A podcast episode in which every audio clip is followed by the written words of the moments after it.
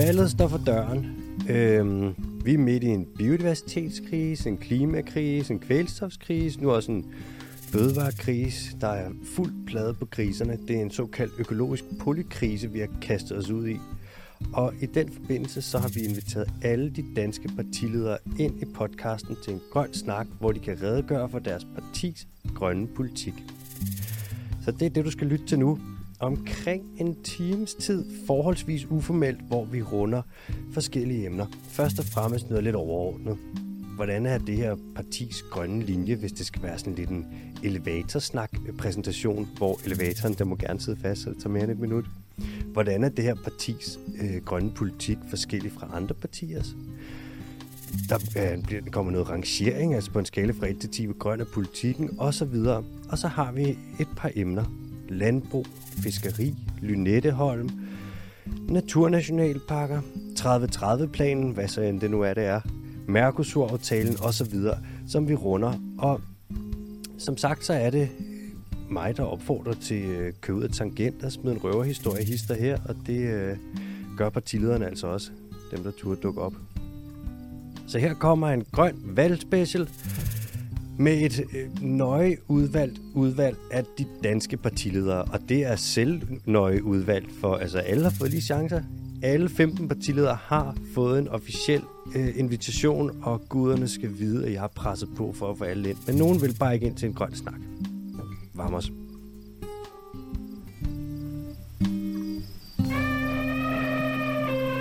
Velkommen til den dyrske teams podcast special.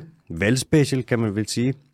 Vi har i dag besøg af Pia Olsen Dyr, partiformand for SF, Socialistisk Folkeparti. Velkommen til. Tak skal du have. Og mange tak, fordi at du vil være med. Det bliver mega sjovt. I har Det jo, håber jeg i hvert fald. det håber jeg sgu også. øh, ligesom vi snakkede om før, I er virkelig, virkelig travlt. Ja, det må man sige. Det er ikke sådan, der er huller i kalenderen. Jeg begriber ikke, hvordan I gør det. Altså, jeg tror, vi snakker også noget, altså over 100 timers arbejdsuge, 200 timers arbejdsuge nærmest. Nej, det tror jeg ikke, men 100 timer er nok rigtigt. Altså, jeg har ikke fri, øh, og det er sådan meget mærkeligt, det der med, at... Øh, øh, at min datter er skemalagt, når jeg skal lave noget med hende, og står i min kalender. Det er ikke sådan decideret, at øh, jeg automatisk er hjemme om aftenen. Ej, det er så vildt. Men man kan sige, det er også intensiveret nu her, Ja. hvor det skal være op til valg og sådan, ikke? Og det er jo kun et par måneder, så stille og roligt. Jeg, jeg begynder at glæde mig til november måned, så tror jeg, valget er overstået. ja. Og så kommer jul bagefter, hvor der bare skal hygges og slappes af. Altså, der skal vi nok forhandle finanslov, alt efter hvem der selvfølgelig vinder. Øv. Ja. Mm. Men nu må vi se. Det er jo ikke afgjort endnu. Vi må se. Det bliver spændende. Det bliver i hvert fald, man kan godt fornemme, der er lidt røre i vandene nu her. Ja, også fordi, at øh, altså, nu er det jo en grøn podcast, kan man sige, mm-hmm. og, og det er jo noget af det, der virkelig er på spil ved det her valg. Det er det. Det må man sige. Jeg er jo også jeg er jo biolog i øvrigt. Mm. Og du er jo vant til at blive interviewet og være meget i medierne. Så hvis jeg kommer med noget, et spørgsmål eller noget, der er helt journalistisk ved siden af, så må du også lige række fingrene op og sige, ej, det er altså ikke sådan, der man interviewer Alexander Holm. Men altså, nu er jeg jo ikke selv journalist. Jeg er jo kendt skinpoler og har, arbejdet, okay. og, og har arbejdet de fleste af mine år, øh, før jeg kom i Folketinget i Danmarks Naturfredningsforening. Så øh, jeg føler mig nok mere på linje med dig, end med journalisterne. og bare vent, når vi skal snakke natur. ja.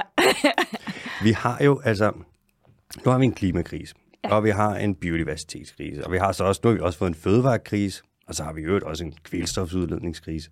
Vi har lidt det, som vi kan kalde en økologisk polykrise. Og det, vi skal snakke om, det er jo, hvordan at SF vil fikse det her. Hvad skal Danmarks bidrag være? Og jeg tænker, vi starter med sådan at beskrive SF's øh, grønne profil. For der er jo mange, der ligesom herop til valget, mig selv inklusiv, går meget op i alt det her med klima og miljø og biodiversitet. Men det med at gå ind og kigge på alle, hvad er det, 15 partiers øh, politik ind på de her områder, det er altså ikke noget, man bare lige gør. Og så tænker Nej, jeg, jeg tror ikke, det er nemt i hvert fald at overskue. det er det godt nok ikke. Og så tænker jeg, hvem bedre til at redegøre for øh, partiernes politik på de her områder, end partiformændene? Jamen, altså, jeg tror, hvis man kigger på SF, så synes jeg jo, altså, alle siger jo noget i en valgkamp. Jeg tror, det bedste er at kigge på, hvad har man gjort? Mm-hmm. Øh, og øh, vi er jo Danmarks ældste parti. Vi blev øh, grøn, altså ældste grønne parti. Vi blev grønne i 70'erne mm-hmm. øh, med atommarscherne. Mm. Øh, så det er jo sådan ligesom en del af vores DNA. Miljøbevægelsen blev en del af SF. Mm. Vi fusionerede med kvindebevægelsen og, og klimabevægelsen dengang. Øh, vi er medlem af det europæiske grønne parti, som det eneste danske parti, øh, og har været det lige siden jeg blev formand, for det var et af de krav, jeg stillede mm-hmm. for at blive partiformand for SF. Det var, at vi skulle være en del af det grønne parti. Øh, og det er jo fordi, jeg synes, vi har ligesom to søjler, eller hvad man skal sige. Vi har den der social retfærdighed, mm. og så har vi det grønne. Øh, og nu er der jo mange, der er grønne, men hvis man nu kigger på, hvad SF har gjort, så har vi jo fra starten af blandt andet kæmpet for vindmøllerne. Vi har jo kæmpet for øh, blandt andet at få opryddet generationsforureninger i Danmark. Mm-hmm. Det mhm. første spørgsmål, der blev stillet i Folketinget, blev stillet af Margrethe Augen tilbage i 80'erne, jeg tror det var i 85, mm. omkring den store giftforurening, der er over ved høfte 42 på grund af Kevinova. Mm-hmm. Det, var, øh, det var ligesom SF, der tog teten på den. Og i den her regeringsperiode med Socialdemokraterne ved roret, der har vi faktisk fået sat pengene af til en endelig oprydning af den giftforurening. Så der er sådan ligesom det lange seje træk. Og jeg ved godt, der er nogen, der siger, at vi skal løse det nu. Mm. Øh, og det vil jeg også gerne. Men ja. nogle gange tager ting desværre rigtig lang tid. Mm. Men det er jo ikke det samme, som vi ikke kæmper for det. Og vi indgår kompromiser. Det ved jeg godt, der er nogen, der siger, at man, man må jo stå fast. Men jeg er jo også optaget af, at vi kan flytte dagsordenen. Altså hver gang øh, vi laver de der kompromiser, så er vi også med, med til at flytte nogen. Hvem havde troet, da SF sammen med det radikale venstre og Enhedslisten og Alternativet stillede forslaget ved folketingsvalget i 19, mm. at vi skulle reducere med 70 procent CO2 inden 2030, mm. at det blev til virkelighed. Altså alle sagde, og jeg har virkelig mødt mange, ej, det er simpelthen for vildt, det kan man ikke mene. Det var for ambitiøst, eller Ja, det var ja. alt, alt for ambitiøst. Der var sådan lidt, jamen hvis vi ikke er ambitiøse, kommer vi jo aldrig i mål med klimakrisen. Nej. og, så, øh, og så havde vi de der øh, forhandlinger, og der var Alternativet så ikke med, fordi de ville ikke pege på Socialdemokraterne, så det var også andre radikale, enhedslisten af SF, der var presset Socialdemokraterne til de 70 procent. Mm. Og nu siger Socialdemokraterne, at de er stolte af det. Det er jo fint, men, øh, og det er jo godt, at de er blevet klogere. Og Venstre og Konservative er jo også kommet med ombord. Men det viser det der med det der med, at nogle gange så må man gå foran, så kan man presse de andre mere. Det har i virkeligheden været SF's rolle gennem tiderne. Det var det sjovt, fordi det første punkt, jeg har her på listen, det er SF's politik på det grønne område. Altså sådan elevatortalagtigt. Mm. Og så har jeg skrevet som en lille note, sådan, elevator må gerne sidde fast. Altså, du må gerne til længere end et minut, men den har du faktisk givet der. Ja. Og der er jo også det med, det lange seje træk der. Det tror jeg er meget godt at have i baghovedet, når man arbejder med klimakrisen og biodiversitetskrisen, for vi får altså ikke løst dem nu. Nej, nej, og selv hvis vi laver alle beslutningerne nu, mm. for eksempel på CO2, altså jeg mener, at vi skal være fossilfri allerede i 2040, mm-hmm. hvilket jo er næsten lige om lidt. Ja, ja. Men det tager jo tid så bagefter at vende det. Fordi mm. selvom vi bliver CO2-fri, så vil der stadig være det CO2, der er i atmosfæren, Præcis. som skal til at forsvinde. Og det er jo derfor, det haster.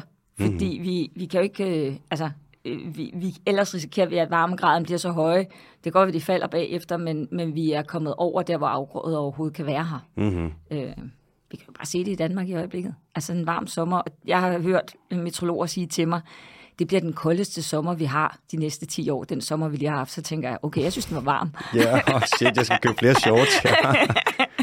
det er vanvittigt. Ja, det er jo vanvittigt, for det viser jo også, hvad vi kommer til at opleve tørke i Europa ikke, og, og i det nordlige Afrika, mm-hmm. øh, og brænde, øh, oversvømmelser og meget andet. Og det er jo ret skræmmende at tænke på. Det er det. Og det værste er næsten, at det kommer snigende. Ikke? Nu har vi sådan med kan du huske, var det sidste år, hvor der var så mange skovbrænde i Amazonas, ja. og medierne blev ved med at være sådan, og Nordamerika og Sibirien, og alle var sådan... Australien. Ja, Grækenland, og alle var sådan, ej, verden brænder. Og i år, der er endnu flere skovbrænde i Amazonas. Mm. Men nu har det jo været op og vende en gang, så man er sådan lidt, vi gider ikke høre om det mere, og så glemmer vi det lidt. Mm. Men det er ekstremt vigtigt jo stadig at pege på det og være sådan, det bliver kun mere fucked. Jamen også fordi, at der er nogle af de ting, vi ikke ser. Altså, vi mennesker handler jo ofte på noget, vi ser. Altså, det skræmmer os, når vi ser oversvømmelser i Tyskland, fordi det er tæt på os. Mm. Og det tror jeg påvirker os. Jeg har i hvert fald oplevet mange danskere, der siger, åh, det var da vildt det der. Det var byer, der sejlede væk i Tyskland. Lige nu, mm. når rinen tørrer ud, så siger folk også, øh, produktionstyskland er jo sat ud af kraft, på grund af, at øh, der ikke er vand, så de kan transportere. Shit. Det kan folk godt forholde sig til. Men det vi ikke ser, for eksempel på havets bund, altså når vandet bliver varmere, det gør det jo, når hele planeten bliver varmere, mm. så kan øh, koralrev jo ikke eksistere. de dør simpelthen, fordi det bliver for varmt vandet. Hvad sker der så? Så er der jo nogle fisk, der ikke kan eksistere. Så er der jo lige pludselig nogle større øh, pattedyr i havet, der ikke kan eksistere. Mm. Så er vi jo ude i noget, der er øh, uvendeligt. Og det, det, det er jo det, der er skræmmende med hele den her krise. Og det tror jeg slet ikke, folk er klar over, hvor alvorligt det er. Jo, jeg tror, de unge er. Mm, yeah. Jeg tror, der er mange af os gamle, der måske tænker, ah, det går jo nok. Men det ja, gør det altså ikke. Det. Ja. Hvad med, okay, nu, får jeg en, nu bliver jeg lidt nysgerrig her på, nu siger du øh, dybhavet. Har SF egentlig nogen holdning til dybhavs minedrift? Øh, det tror jeg, vi har. Mm. Øh, men jeg har sådan set ikke helt styr på den, men jeg vil gætte på, at vi ikke skal have minedrift. Øh, det, fordi øh, problemet er jo lidt, at Altså, jeg kan i hvert fald se det med meget af det andet, når vi kigger på vores egen indre farvand. Mm. Altså, det der med at have bundtrav, trål og sådan noget, det smadrer jo både biodiversitet, men det har sådan set også nogle CO2-effekter. Mm. Øh, og det er som om, det er usynligt, fordi så længe det er under vandet, så ser vi det ikke. Og vi bliver ikke konfronteret med det, fordi der er jo færre af os, der faktisk øh, dykker eller gør ja, noget i vandet. kommer ned på 200 meter, ja. okay, fedt. Det er et godt svar, synes jeg. Ja. Og det er sådan noget, hvor jeg tænker, uff, man, det er verdens største økosystem, som man skal lige til at begynde at pløje. Og det er lidt svært at finde ud af, hvor står Danmark. Men det der, det, så, øh, det giver mig lidt håb. Men jeg, jeg tror, jeg, tror altså jeg, jeg er i hvert fald meget optaget af, at vi begynder at diskutere havet på en helt anden måde. Mm. Øh, og jeg synes, de anbefalinger, der kommer fra EU-kommissionen, for eksempel det der med, at man skal lade 10 procent være urørt hav, mm. og 30 procent, det er så inklusivt 10 procent, men de 30 procent, det skal sådan uh, kigge, at vi sikrer biodiversiteten der. Ikke? Mm. Det, er jo, det er jo en helt anden måde at tænke på, og vi skulle i virkeligheden også gøre det samme på land. Øh, og, og mere. Men det, det, det er bare det der med at begynde at snakke procenter, og det er jo små procenter. For nu må jeg stoppe der, fordi nu springer du ind i et af mine spørgsmål til senere. Ja. oh, men du havde, advaret, du havde advaret om, vi skulle snakke natur, men det, det bliver først om lidt. Ja, undskyld. Det var fordi, det er noget, jeg er optaget af. Ja. Vi har næste spørgsmål. Øhm, det er et, som jeg sådan tænker, det er jeg i hvert fald selv nysgerrig på. Hvordan er SF's grønne politik øh, forskellig fra andre partiers? Hmm. Hvordan skiller I jer ud? Altså, jeg, jeg vil jo meget nødig sidde og sige, at de andre gør ikke, mm. øh, fordi det synes jeg faktisk ikke er særlig fremkommende i politik. Det bruger vi alt for meget tid på at sige, at de andre kan ikke, eller sådan noget. Men jeg kan jo sige, der hvor vi selv bruger mange kræfter. Mm. Vi har brugt mange kræfter på klimakrisen, også gennem historien. Øh, vi er meget optaget af natur, og har også i den her regeringsperiode, og det ved jeg, fordi det var mig selv, der forhandlede pengene igennem, mm. der var det SF, der sikrede 888 øh, millioner kroner til natur i Danmark. Mm. Øh, og jeg ved, alle snakker klima, men der er meget få, der faktisk snakker natur. Og mm. da vi sad ved finans øh, og forhandlede det ved finanslovsforhandlingerne, så var det meget tydeligt, at det var SF, der skulle have noget på natur. øh, og jeg tror, de andre havde det sådan lidt, er det ikke godt nok det, der ligger? Nej, og jeg blev ved. øh, og jeg blev ind til finansministeren og sagde, hvad er det, der skal til for at gøre dig så frisk, piger? Og så sagde jeg til sidst, så giv mig et biodiversitetsråd. Hvis du ikke vil give mig en biodiversitetslov, så tager vi rådet, så tager vi loven næste gang. øh, og det er jo, fordi jeg er rundet af den grønne bevægelse. Jeg tror, at det er derfor, det står så højt på min dagsorden, også når vi forhandler. Så det er ikke kun noget, der sådan er integreret på ordførerniveau. Det er sådan set noget, der er gennemført i hele partiet. Mm. Øh, natur står højt hos os, også fordi vi har i Danmark et helt forkvaklet forhold til naturen. Jeg tror, det er blevet bedre af corona.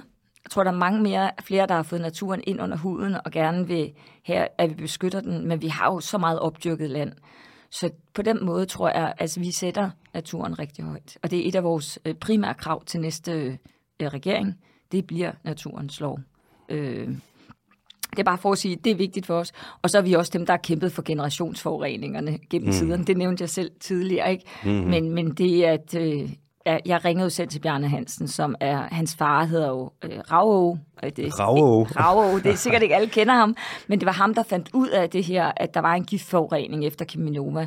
Han så fiskene dø, han så måger dø, han så øh, selv øh, får og andet øh, faktisk få nogle ret alvorlige skader. Mm. Og så begyndte han jo at grave i det, og hans søn, der hedder Bjarne Hansen, overtog øh, den her sag og kæmpet videre, og vi har samarbejdet med dem hele vejen. Så da jeg ringer til Bjarne og siger, at nu har vi afsat penge, 624 millioner, tror jeg det var. Så begynder han at græde. Så begyndte jeg at græde, og han Sådan. begyndte at græde. Og han er vestjyd. Han begynder at græde. Okay, ja, shit. så ja. det var, det var stort. Han blev bare faktisk helt mundlam. Han var meget stille meget lang tid. Forstår man det også godt. Det er også en stor ting. Ja. Okay, tre hurtige. Ja. Jeg er og, ikke så hurtig, men... Nej, og det, her, det er sådan, det, det er lidt nogle halvnørdede nogen, og det er også, og du må gerne svare, øh, ved ikke, fordi nu, det er bare noget, der lige kommer til mig nu, hvor vi snakker natur. Ja. Vildsvinhegnet, skal vi fjerne det? ja, det synes jeg. Ålefiskeriet, Vil du vide, hvorfor? Det, det vi har faktisk næsten ikke tid. Pia. Nej, okay. Jeg tænker også, den er der sådan, det er jo fuldstændig skørt, vi har hegnet landet ind. jamen, og du kan jo heller ikke hegne ind mod vildsvin. Altså, de graver jo under. Altså, det, Ja, der er hul i hegnet, og- Jamen, jamen, hvis der er nogen, der kender vildsvin, så graver de jo flere meter under. Hmm. Så du kan ikke holde dem inde. Christian Torborg sagde engang til mig, undskyld, nu går jeg ud af en tangent, kom. men Christian Torborg var jo SF's øh, fødevareordfører i mange år øh, for Vestjylland, øh, er død i dag desværre, efter en tragisk bilulykke. Han, øh, han sagde til mig, så sagde han, de der tre grise, jeg har gående hjemme på marken, mm. dem kan jeg ikke engang holde inde. øh, selvom jeg har et stort hegn og prøver Ja. at holde dem inde, de smutter ud hele tiden. Og Så, så- tror vi virkelig, vi kan holde vildsvin ude. Det er jo dumt. Ja, det er det, og det koster os 80 millioner. Ja, det er skørt. Skal vi gøre noget ved ålefiskeriet? Kritisk troede jo. Ja, altså vi er nødt til at kigge på det, fordi der skaber udfordringer for vores øh, havbund. Men mm. øh, øh, jeg ved ikke, om jeg vil forbyde det, men jeg vil i hvert fald gerne have, at vi får kigget på en eller anden, form for løsning af det. Og så, øhm, vi har også det med lidt krybskytteriet i Danmark. Mm. Ulveskytteriet og sådan. Skal vi sætte mere ind over for fagnakriminalitet? Ja, jeg synes, det er meget alvorligt. Mm. Øh, og jeg synes, jeg kan jo godt høre danskere, der siger, ja, men ulve hører ikke til i Danmark, det er sådan noget sluret. Ja, de har da været hele tiden. Ja, øh, og, øh, og ulve vandrer. Mm. Øh, og selvfølgelig kan jeg godt forstå, at man kan være bange for dem. Men jeg tror, det er vigtigt at huske på, at ulven er altså også bange for mennesker. Ja, Så øh, og der har ikke været et ulveangreb i Skandinavien siden 1878. ja, men der er jo mange myter. Ja, og det er rigtigt. Og det skal man jo selvfølgelig have noget åbenhed overfor, men det er altså ikke det samme som, at man må gå ud og skyde en ulv. Nej, og voksne mennesker skal ikke være bange for røverhistorier. Nej, det er måske en god pointe. Hvor tænker du, Pia, hvor mener SF, at vi skal lægge vores energi, hvis vi virkelig skal være et grønt forgangsland? Oh, jeg vil altså helst ikke vælge. Jeg mener, vi godt kan mere på, på én gang. Men mm. jeg, mener det, jeg mener seriøst, at vi skal gøre noget for vores biodiversitet. Mm. Altså, det, øh, nu har jeg lige været på Rysnes mm. i forgårs. Der har vi en fra, fransk bredpandet øh, sommerfugl, mm-hmm. som er det eneste sted i verden, den findes. Øh, og det er lige præcis på Rysnes. Og der har det sådan lidt, når vi siger til Amazonas, at de skal passe på deres biodiversitet, så er det jo latterligt, at vi overhovedet diskuterer en motorvej hen over Rysnes, der hvor der er en sommerfugl, er som er unik i verden. Ja, det er nemlig hyggeleri. Mm-hmm. Så, så vi er nødt til at tage biodiversitetskrisen meget mere alvorligt og forvente den øh, tilbagegang, der er i biodiversitet i Danmark. Mm-hmm. Og så mener jeg jo, at det er en bunden opgave at løse klimakrisen øh, for vores børn og børnebørn. Det, det, altså, det kan man ikke snakke sig udenom. Det kan måske være sådan en uh, to fluer med et smæk. Man kan Jeg, også jeg, se. jeg mener godt, man kan kombinere det. Og det er jo også det, vi kan se, sådan, når vi har noget god, rig natur, så binder det rigtig meget carbon. Mm. Og hvis vi får genetableret tørvemose, altså højmose, lavmose og alt sådan Ja, noget, ikke? det binder også CO2. Ja. fuldstændig vanvittigt. Nå, jeg har det sidste... Men det er også sjovt, fordi ja. hvis vi bygger vindmøller Ja. ja. til havs, nogle af dem, vi har gjort til havs, de har faktisk også øh, skabt mere biodiversitet. ja, med på deres fødder der, Ja, hvor der kommer... Ja. Ja. Men også fordi, at der er jo ikke fiskekutter på samme måde. Så vi kan jo se blandt andet torsken søger derhen. Er jo det interessant. rigtigt? Ja. Den har måske også sådan lidt helle, Ja, hvis det den er kommer det. helt ind. uh, hvad, Ja. det er sådan en... Den er kontroversiel tit. De bruger det med boreplatform nu, hvor du kan se, det er de mest biodiverse zoner overhovedet i havet. Det er nogle boreplatformer over i den kaliforniske bugt. De der øh, aggregater, de har med søjler, der går på tværs af vandsøjlen og alting. Ja. Biodiversiteten stikker helt af. Så der er jo olieselskaber, der siger, så er det jo godt for biodiversiteten. Ah, men så er der så nogle klimaproblemer med olien, men det er der jo ikke med vind. Det er rigtigt. Så. Det er lidt mere win-win. Ja, det er eller, nemlig- Eller win-win. Ja. ja. Okay, så det sidste er de overordnede spørgsmål, før. Ja. vi går ind i nogle, i nogle emner. Nogle lidt mere konkrete emner. Hvis du skal sige på en skala fra 1 til 10, hvor 1 det er kulsort, mm. altså det er ren mordor. Mm. Det er Sauron har vundet i Ringenes Herre. Ja. Og 10, det er sådan, altså, det er en hver biologs våde drøm. Ja. Hvor grøn vil du så sige, at SF's politik er? Og der tror jeg, vil være ærlig at sige, jeg tror, vi er en syver. En Syv, otter. Øh, jeg vil helst sige 10, mm. men, men vi indgår jo kompromiser, og det vil nok, godt nok gøre, at nogen vil sige, at vi ikke kan tillade os at kalde 10. Men hvis jeg bare kigger på SF's politik isoleret set, så vil jeg sige 10. Ikke dårligt. 7,5, og så lidt øh, rådrum til fri leg. Og så nu, hvor det grønne kommer på dagsordenen, så kan det jo være, at det sådan, næste gang bliver 8,5. Og Ja. så stille og roligt. Måske en dag, man kan springe skalaen. Det kunne være vanvittigt. Det kunne være super, hvis det var det, vi begyndte at debattere i stedet for arbejdsudbud og international arbejdskraft. Mm. Og det skal vi overhovedet ikke snakke om her. Nej, men det er jo meget sjovt, fordi når jeg snakker, nogle gange når jeg snakker politik med journalister, så siger de, ja, ja, det der natur, det er jo sådan noget blødt politik, mens økonomisk politik og arbejdsudbud, det er jo hard politik, bare sådan ligesom, øh, øh, hvad? Ja, hvor skal menneskene være, hvis verden er død? Det er, Ja. lidt, det er så fjollet. Ja, det er en meget måde, mærkelig måde at opstille verden på. Er du klar til et konkret spørgsmål Ja. her på det så- første emne? Mm. Noget, der er meget op at vende for tiden. Noget, der også virkelig kan skabe noget debat. Noget, hvor der flyver. Det er lige før, der, at folk kommer op og slås over det. Altså. Mm. Landbrug. Mm. Hvordan skal gør vi vores landbrug grønt i Danmark? Og her tænker jeg jo for eksempel også, 62 procent af Danmark bliver brugt til landbrug. 80 procent af det her bliver brugt til at lave foder. Og er det også sådan, at SF vil gøre noget for at ændre vores øh, fødevaresystem, så der bliver frigivet plads til, som sagt, natur og klima og biodiversitetstiltag? Jamen, jeg mener, der skal være mindre dyrehold.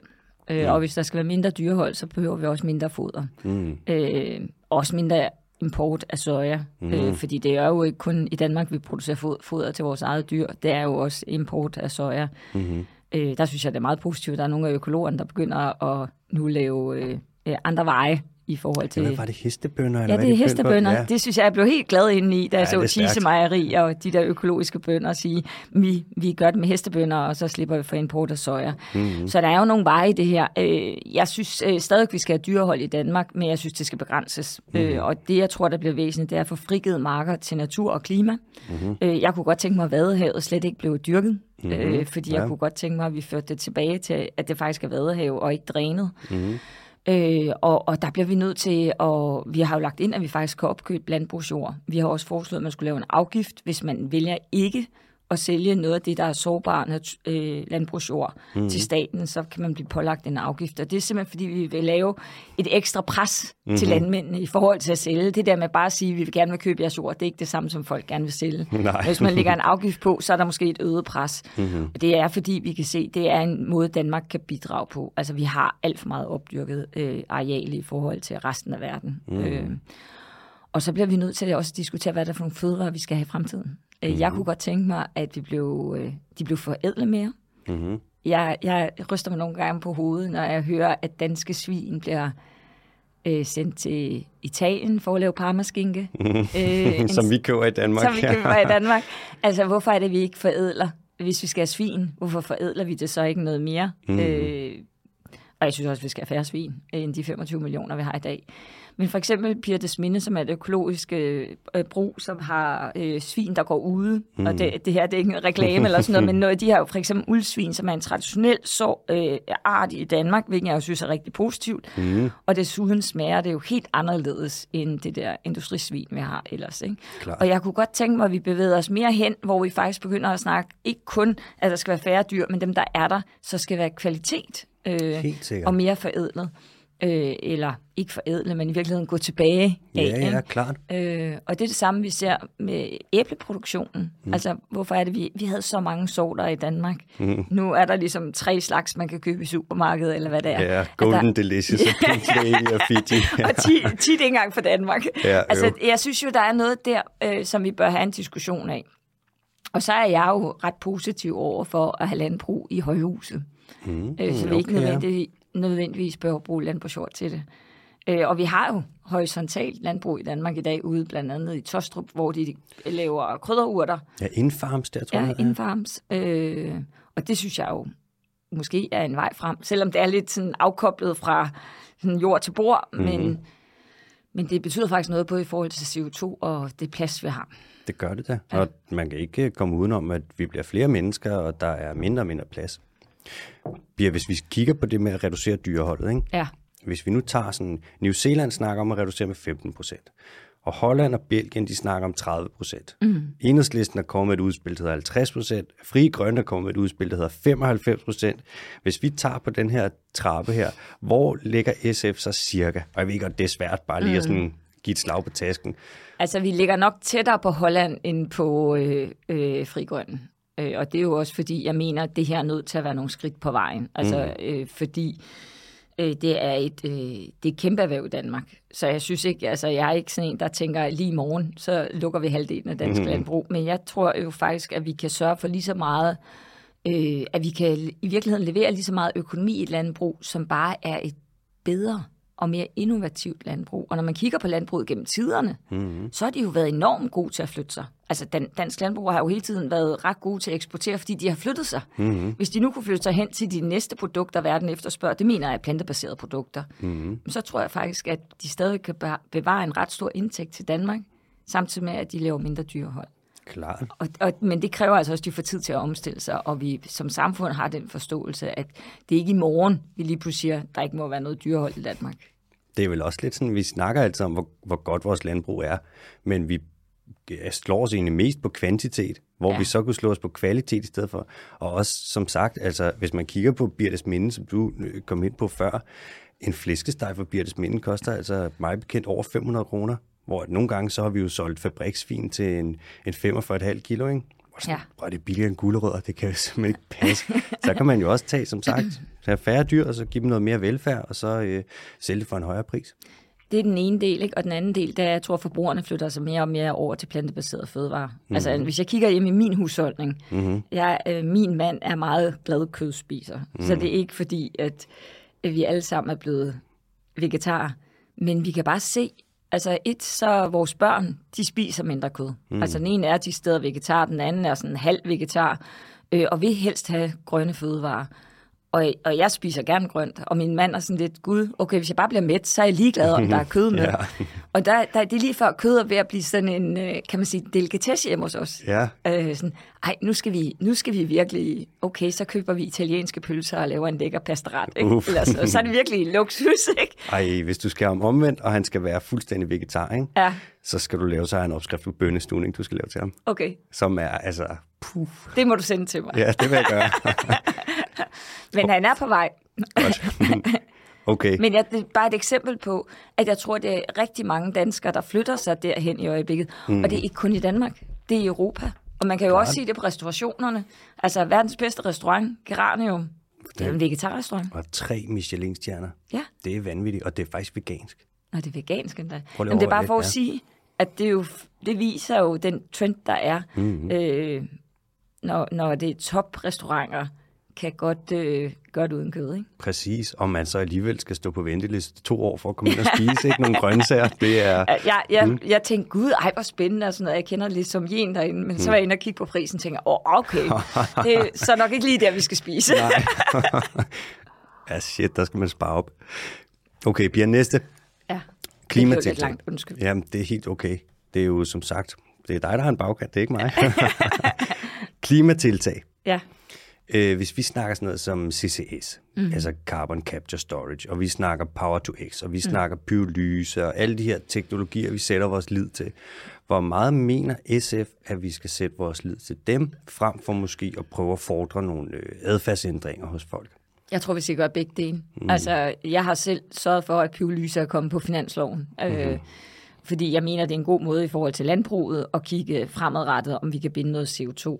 Men jeg mener, det betyder da mindst, og måske ej, jeg tror, jeg synes, det betyder mere, mm. det vi laver i for eksempel, hvis vi øh, bruger noget landbrugsareal og laver tøv. Mm. Altså, lad det blive til tøv eller mose eller andet, så binder vi jo meget mere CO2. Det giver mening. Klart. Øh, men, men det er ikke det samme, som jeg ikke synes, vi skal satse på det andet, fordi jeg tror også, vi skal gøre det andet, for det tror jeg er en løsning for hele verden. Mm-hmm. Øh, fordi vi gør det ikke med et knips. Der er mange ting, der skal til, og jo flere, kan man sige, jo flere brækker man har på spillepladen, jo større chance er for, at vi kommer i mål. Det er vel også, ja, godt svar. Det er vel også det, sådan, på den ene side, vi skal stoppe med at udlede så meget, mm. og så samtidig så skal vi jo også satse på at fixere fordi at det, vi har udledt, det er jo sådan, det skal vi sgu have ned igen, ikke?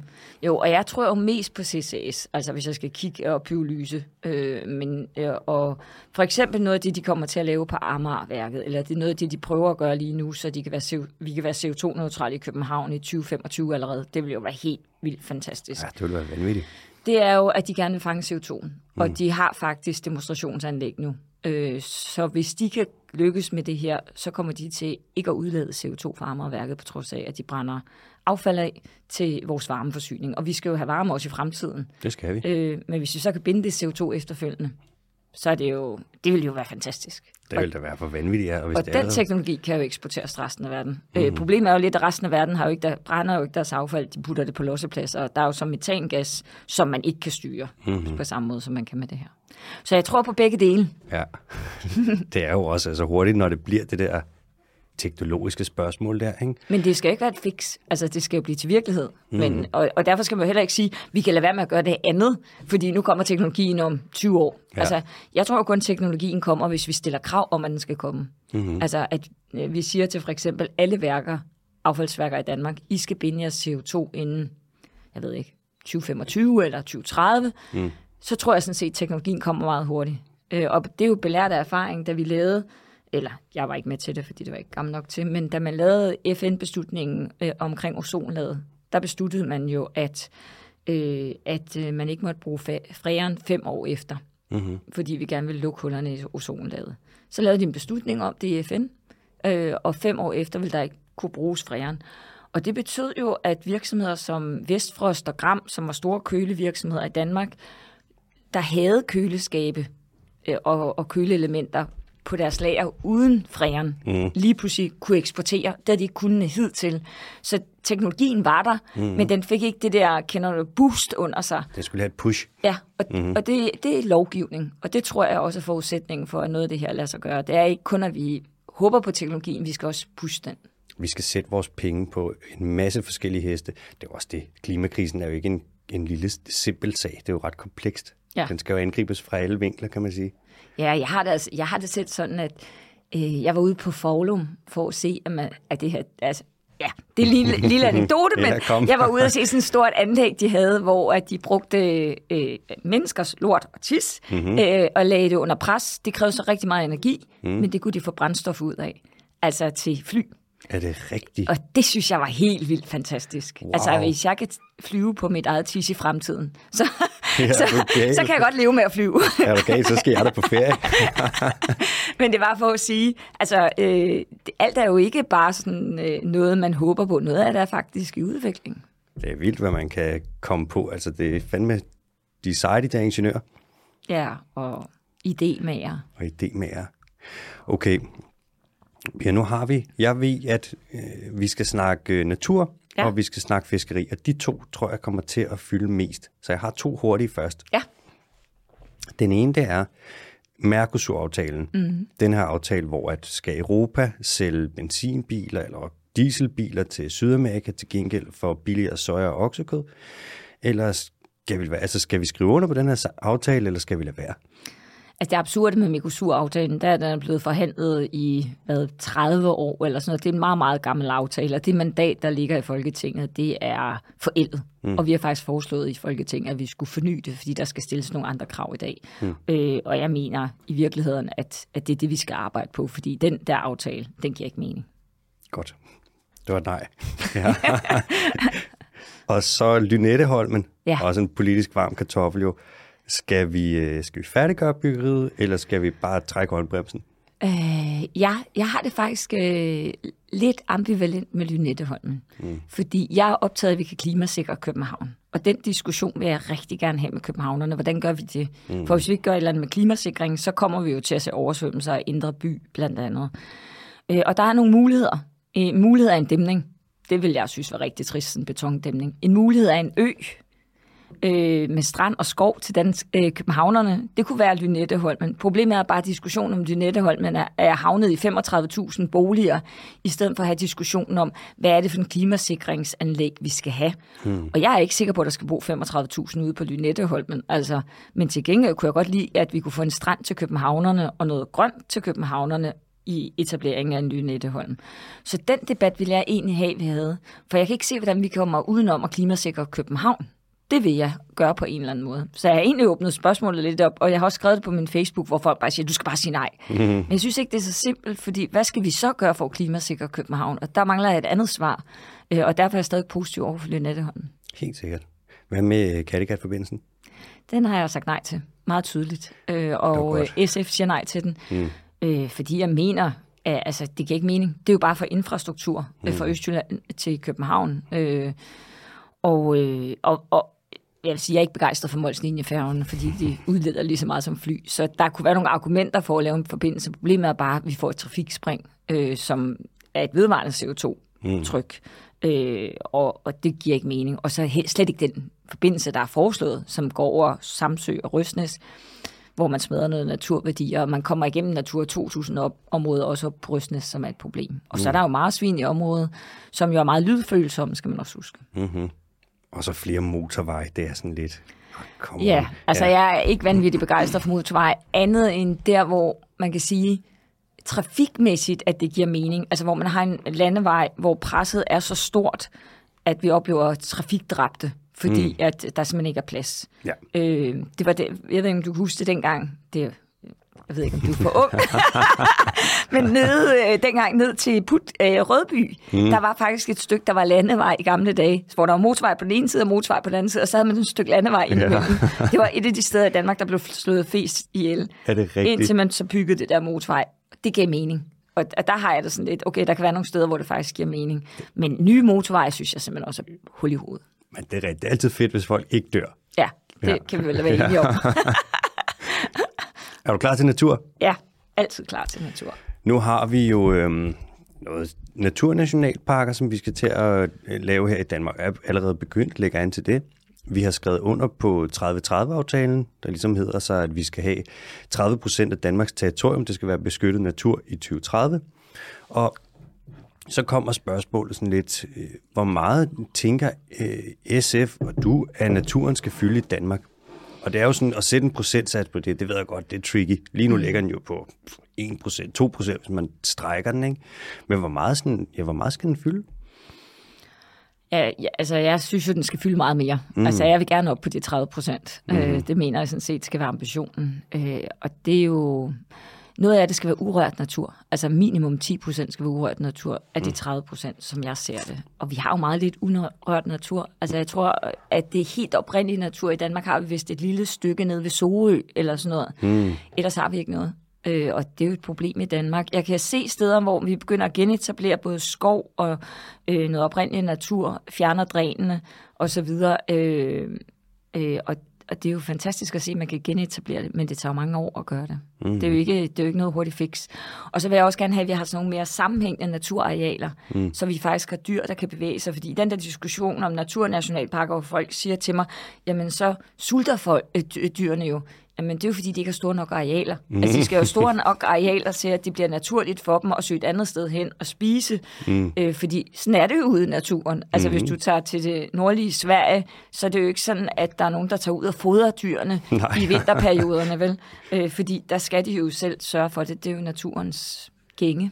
Det har også været på ting, hvis man så sådan noget naturdokumentar et eller andet filmet fra Serengeti-sletten, og så render der en sulten løve rundt, og så kan fotografen lige over og giver den noget kattemad. Ja. Det har jo været...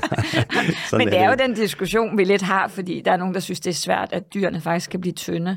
Men det bliver de jo i vinterperioderne, fordi der ikke er så meget føde. Mm-hmm. Men det, arealet skal jo tænkes efter, i forhold til, at der skal være nok føde, så de kan overleve. Altså det er jo ikke mhm. sådan, at jeg på nogen måde har lyst til, at der skal være sultne dyr, eller dør der dyr, der dør sult. Vi har jo også det med sådan, så Danmarks natur på den måde er lidt sådan, det er lidt som om, at den skulle have fire ben, men den har tre. Vi har jo, de store rovdyr er jo ikke. Så hvis der endelig er et dyr, der er lidt sulten og lidt svagt, der er jo ikke nogen ulv, eller nogen los, eller mm. nogen jæv, der kommer og tager det. Og så lige pludselig skal vi bare være vidne til et eller andet dyr, der skal gå stille og roligt, nærmest sult ihjel, hvor at det er så også et, et handicap, Danmark spiller med der. Mm. Men. Altså nu er, nu er der jo, eller Måske er der en ulv i Danmark, ikke? Mm. Men det er jo ikke nok til at holde for eksempel hjortebestanden nede, og vi har jo Ej. rigtig mange hjorte i Danmark. Vanvittigt mange. Øh, og og de æder jo også noget fauna, vi ikke har lyst til, at de skal spise, fordi at, øh, de, de slider simpelthen på naturen, når de bliver for mange. Ikke? Mm-hmm. Ja, det er en udfordring. Det er det. Ja, ja. det jo er meget interessant. Jeg kan i hvert fald se det der, hvor jeg har sommerhus, at der antallet af rådyr er virkelig steget. Ikke? Og vi synes jo, det er hyggeligt, for så kan vi gå og kigge på dem. Mm-hmm. Men vi kan også se, at det faktisk er med til at presse skoven, som vi har etableret på. Vi har, vi har sådan noget landbrugsareal til mm-hmm. vores sommerhus, og der har vi lavet en masse skov. Mm-hmm. Øh, både egeskov og, mm-hmm. og fyr og sådan noget, sådan nogle traditionelle gamle arter. Mm-hmm. Og, øh, og øh, vi har simpelthen været nødt til at hegne det ind, fordi ellers blev det slået ihjel af rådyrene. Er det rigtigt? Ja, de, kommer ud det hele. de er simpelthen, øh, og det er jo klart, når de er så mange, mm. så, så fylder de jo i landskabet. Det er klart. Og det er det, vi ser lige nu, ved at vi ikke har de store rovdyr. Vi har jo også, så har vi selvfølgelig jægerne, som skyder. Hvor Ja. mange? Jeg tror, jægerne skyder 180.000 rådyr i Danmark om året. Hvor der tænk, det er næsten det er over fire rådyr per kvadratkilometer årligt. Det er altså vanvittigt. Det vidste jeg ikke engang, at de også så mange. Det er mange. Vi har også, jeg tror, vi har 167.000 jæger. Ja, okay. Virkelig, virkelig mange. Altså, der er ja. masser af våben i Danmark, det skal man huske. Men fordelen ved jægerne, det er jo, at de holder bestanden nede. Fordi, Præcis. øh, og mange af dem er jo, altså mange af dem er jo meget ansvarlige i forhold til at passe på arter. Mm. Nok mere end mange andre er, fordi de netop godt ved, at hvis de ikke øh, passer på dem, så er de der heller ikke næste år eller næste år igen. der er også mange af dem, som jo bare er sådan nogle spejder, som har opgraderet deres kniv til en ja. riffel. ja. Nå, Bia, vi har det sidste nu. Ja, undskyld. Øh, du skal overhovedet ikke sige undskyld. Det Ja, jeg, fint. jeg synes, det er så hyggeligt. Der. Ja, men- og du havde advaret på forhånd med natur. Det, er jo, det kan være, at vi laver et afsnit mere efter, øh, efter valgkampen. Vi skal snakke fiskeri. ja, Og jeg kan godt lide at fiske. øh, med stang. Ja, Er det rigtigt? ja, Er du god til det? nej. Er det, er det med flue? Øh, det er med orm nogle gange, og det er nogle gange med flue. Har du, er du, er du, du, har du bidet nogle gange, eller er det bare sådan noget for hyggens skyld? Nej, nej, jeg har bid nogle gange, men jeg er ikke så optaget af det der at have bid. Jeg er Nej, mere okay. optaget af... Det er lidt ligesom at strikke. Ja. Der er et eller andet virkelig godt for hjernen ved at fiske. Det er meditativt, det er hele processen. Ja. En af mine bedste kammerater, han binder selv fluer, og du skal se det der setup med at sidde der med fjer, og så sådan en lille ting, der sætter dem op på, og og spænder. Det er totalt sådan, uff, det er helt send. Nej, det er fedt. Mm. Nå, nu har jeg skrevet et spørgsmål her, som jeg tænker... Jeg har Men det var ikke løsfiskeri, du ville spørge om. vel? Nej, nej, det var det ikke. Jeg vil gerne snakke om det, men vi har simpelthen ikke tid. Nej. Vi har jo det med fiskeri i Danmark, at det står ikke så godt til. Nej, vi har jo det der med, nu ved vi med ildsvind i de indre farvande på grund af kvælstofudledninger. Ikke godt for fiskene. Stenredet, det er ligesom forsvundet, fordi det, vi har fjernet helt lortet. Mm. Ålegræsset forsvinder, og, vi har, og så har der været en, en del hissigt industrielt fiskeri. Så hvad gør vi for, og nu har jeg lavet lidt ordspil her, mm. hvad gør vi for at vende skuden, eller hvad gør vi for at vende fiskekutteren? Altså for det første mener jeg jo, at vi skal forbyde øh, bundtrål flere steder i Danmark. Mm. Øh, vi har jo nu aftalt, at vi ikke skal gøre det i Lillebælt, og vi har også aftalt, at vi ikke skal gøre det Øresund giver sig selv. Mm. Øh, og jeg mener jo, der er mange flere steder, vi skal snakke om, der ikke skal være bundtrål. I virkeligheden mener jeg, at vi skal ikke have bundtrål i Danmark Ja. på den lange bane. Mm. Fordi det er jo det, der ødelægger øh, både øh, biodiversiteten, men det ødelægger sådan set, der har også nogle klimapåvirkninger, som er øh, katastrofale. Det må man sige. Øh, og man kan jo godt fange mange af fiskene med net. Mm. Øh, det vi ser, nogle af dem, der laver bæredygtig fiskeri, som, øh, eller skånsom fiskeri, fanger jo faktisk også fisk. Mm. Ikke i de der masser, som vi er vant til, men fanger faktisk fiskene på en skånsom måde. Mm. Så vi kan godt have fiskeri, vi er bare nødt til også at passe på naturen, når vi har fiskeri. Mm. Så jeg er ikke mod fiskeriet, men jeg, der er visse former for fiskeri, jeg mener er dybt problematiske. Og hvis vi kigger på Øresund, det er jo ret fantastisk, fordi vi netop har sagt, at det skal være beskyttet. Mm. Så er det jo vist sig, at torsken er kommet tilbage. Mm. Altså, det er jo dejligt at se, at torsken på den måde er kommet tilbage i indre farvand, fordi at vi ikke har fisket. Mm-hmm. Øh, så, så det kan jo lade sig gøre. Det gør mig helt begejstret.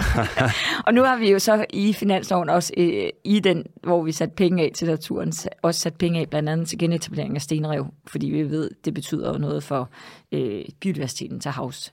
Øh, og, øh, og den vej skal vi længere af. Øh, ålegræs er også en relevant dagsorden, både i forhold til Lyn- Lynetteholm, hvor vi har genetableret en del af Lynetteholmen, det var faktisk, at vi fik ind SF i aftalen, at man skulle lave boblegardiner for netop at beskytte ålegræsset. Mm. Det samme er ved Røsnes grund til en af problemerne med motorvejen, det er jo også ålegræssen. Helt sikkert. Så Hvis vi kigger du sådan... sidder og smiler. Ja, men det, jeg kan godt lide, hvis vi sådan... er lidt nørdet. ja, og gøre noget godt for havet og sådan. Det har jo Ja. virkelig været overset. De fleste ved ikke engang, hvor stort det danske marineareal det er. Mm. Vi tænker, Danmark, om det er jo 43.000 kvadratkilometer, hvor sådan... Hvad Nej, vi har meget mere hav. Ja, vi har jo over 100.000 kvadratkilometer. Vi glemmer det. Vi ser bare ikke, hvad der foregår under havoverfladen. Nej. Og det er lidt ærgerligt, fordi at, shit, der er blevet lavet noget gris derude. Det står virkelig ikke, det står virkelig ikke godt til. Nej, det er lidt ligesom vores låseplads. Det, det er det jo blevet. Hvis nu vi skal sige sådan, og det her det bliver det sidste spørgsmål. Ja, Hvis du skulle sige til Havs, skal vi, hvor stor en del af havet skal vi beskytte? Og skal vi lave nogle sådan såkaldte MPA'er, altså nogle Marine Protected Areas, hvor man så udenom kan se sådan, der kommer fiskeriet til at gå amok, fordi at der er så mange fisk, der ligesom er helle derinde mm. og kan formere sig osv. altså jeg synes, vi skal have sådan nogle øh, fisk-naturnationalparker, eller sådan mm. natur nationalparker til havs. Det kunne jeg godt sikkert. tænke mig. Jeg synes, vi skal starte med Aarhus Bugt. Ja, god idé. Jamen, jeg synes, det er grotesk, at man er i gang med at lave muslingefarme der. Altså, mm. det, det, ja, og det er jo fordi, der er nogen, der tror, så kan vi optage noget CO2. Vi skaber bare nogle andre problemer med de der muslingefarme. De skider jo sådan nogle muslinger, ikke? Ja. De kan jo dræbe en hel, en hel bugt, altså. Ja, så, så det, øh, det synes jeg faktisk kunne være super fint at lave nogle naturnationalparker. Men jeg tænker, at vi skal have 10% urørt natur på havs, øh, og så 30%, øh, hvor vi laver en eller anden form for bæredygtigt øh, havbrug eller et eller andet. Mm. Og det er jo det, der ligger i EU-kommissionens udspil til havplan. Øh, Danmark er ikke så glad for den, øh, og jeg har prøvet at presse regeringen flere gange mm. for at sige, at vi selvfølgelig bare implementerer det, vi har lovet i mm. EU. Øh, og det kan jeg godt mærke, at jeg bliver nødt til at presse lidt mere på for. De er der ikke endnu. Jeg har også skrevet til Rasmus Prehn der, Ja. og aftalt et møde, men han svarede ikke, så øh, men jeg tror, jeg skriver igen. Så Jamen, presser vi fra begge, begge, Ja, begge det er sider. godt. Altså, jeg blev ved med at bruge den der ordbrug, som vi faktisk har forpligtet os til i Mhm. forbindelse med finansloven, hvor jeg prøver at sige, kan vi så skrive det her ord ind? Ja. Nej, det kan vi ikke. Det kan jeg da ikke forstå. Vi har skrevet under på det i EU. Altså, at øh, vi ikke må forrække øh, øh, kvaliteten til havs, men altså, Uf. vi Ja, skal er det, sikre god biologisk tilstand, jo. Ja, det skal vi. Er det ikke nogle gange også sådan, når man arbejder med EU, at det bliver så byråkratisk, og der er så meget, så det næsten er umuligt at finde rundt i? Det er mit indtryk i hvert fald nogle gange, når man sidder og kigger på alt det der. At man næsten kan, ja, det bliver Jeg tror, som øh, øh, klima og natur, sådan øh, nørd, eller optaget af de der emner, mm. så er EU faktisk rigtig positivt. Altså, det er jo EU, der har presset Danmark især på vand. Mm. Altså, den der vandkvalitet. Vi har jo skubbet de der vandrammeplaner igen og igen og igen, fordi vi ikke vil genere dansk landbrug. Mm. Men pointen er jo bare, at vi, øh, det er jo EU, der så skubber tilbage og siger, at I skal levere på god biologisk tilstand. Mm. Øh, og det skal vi. Altså, det er en bunden opgave. Øh, og jeg ved ikke, om vi nogensinde var kommet i, til vejs ende uden EU. Sådan. Vi, vi når ikke mere. Tak fordi jeg måtte komme. Jamen tak fordi du ville. Ja, Tusind tak det gør det. jeg gerne. Det var en fornøjelse. Tak for nu.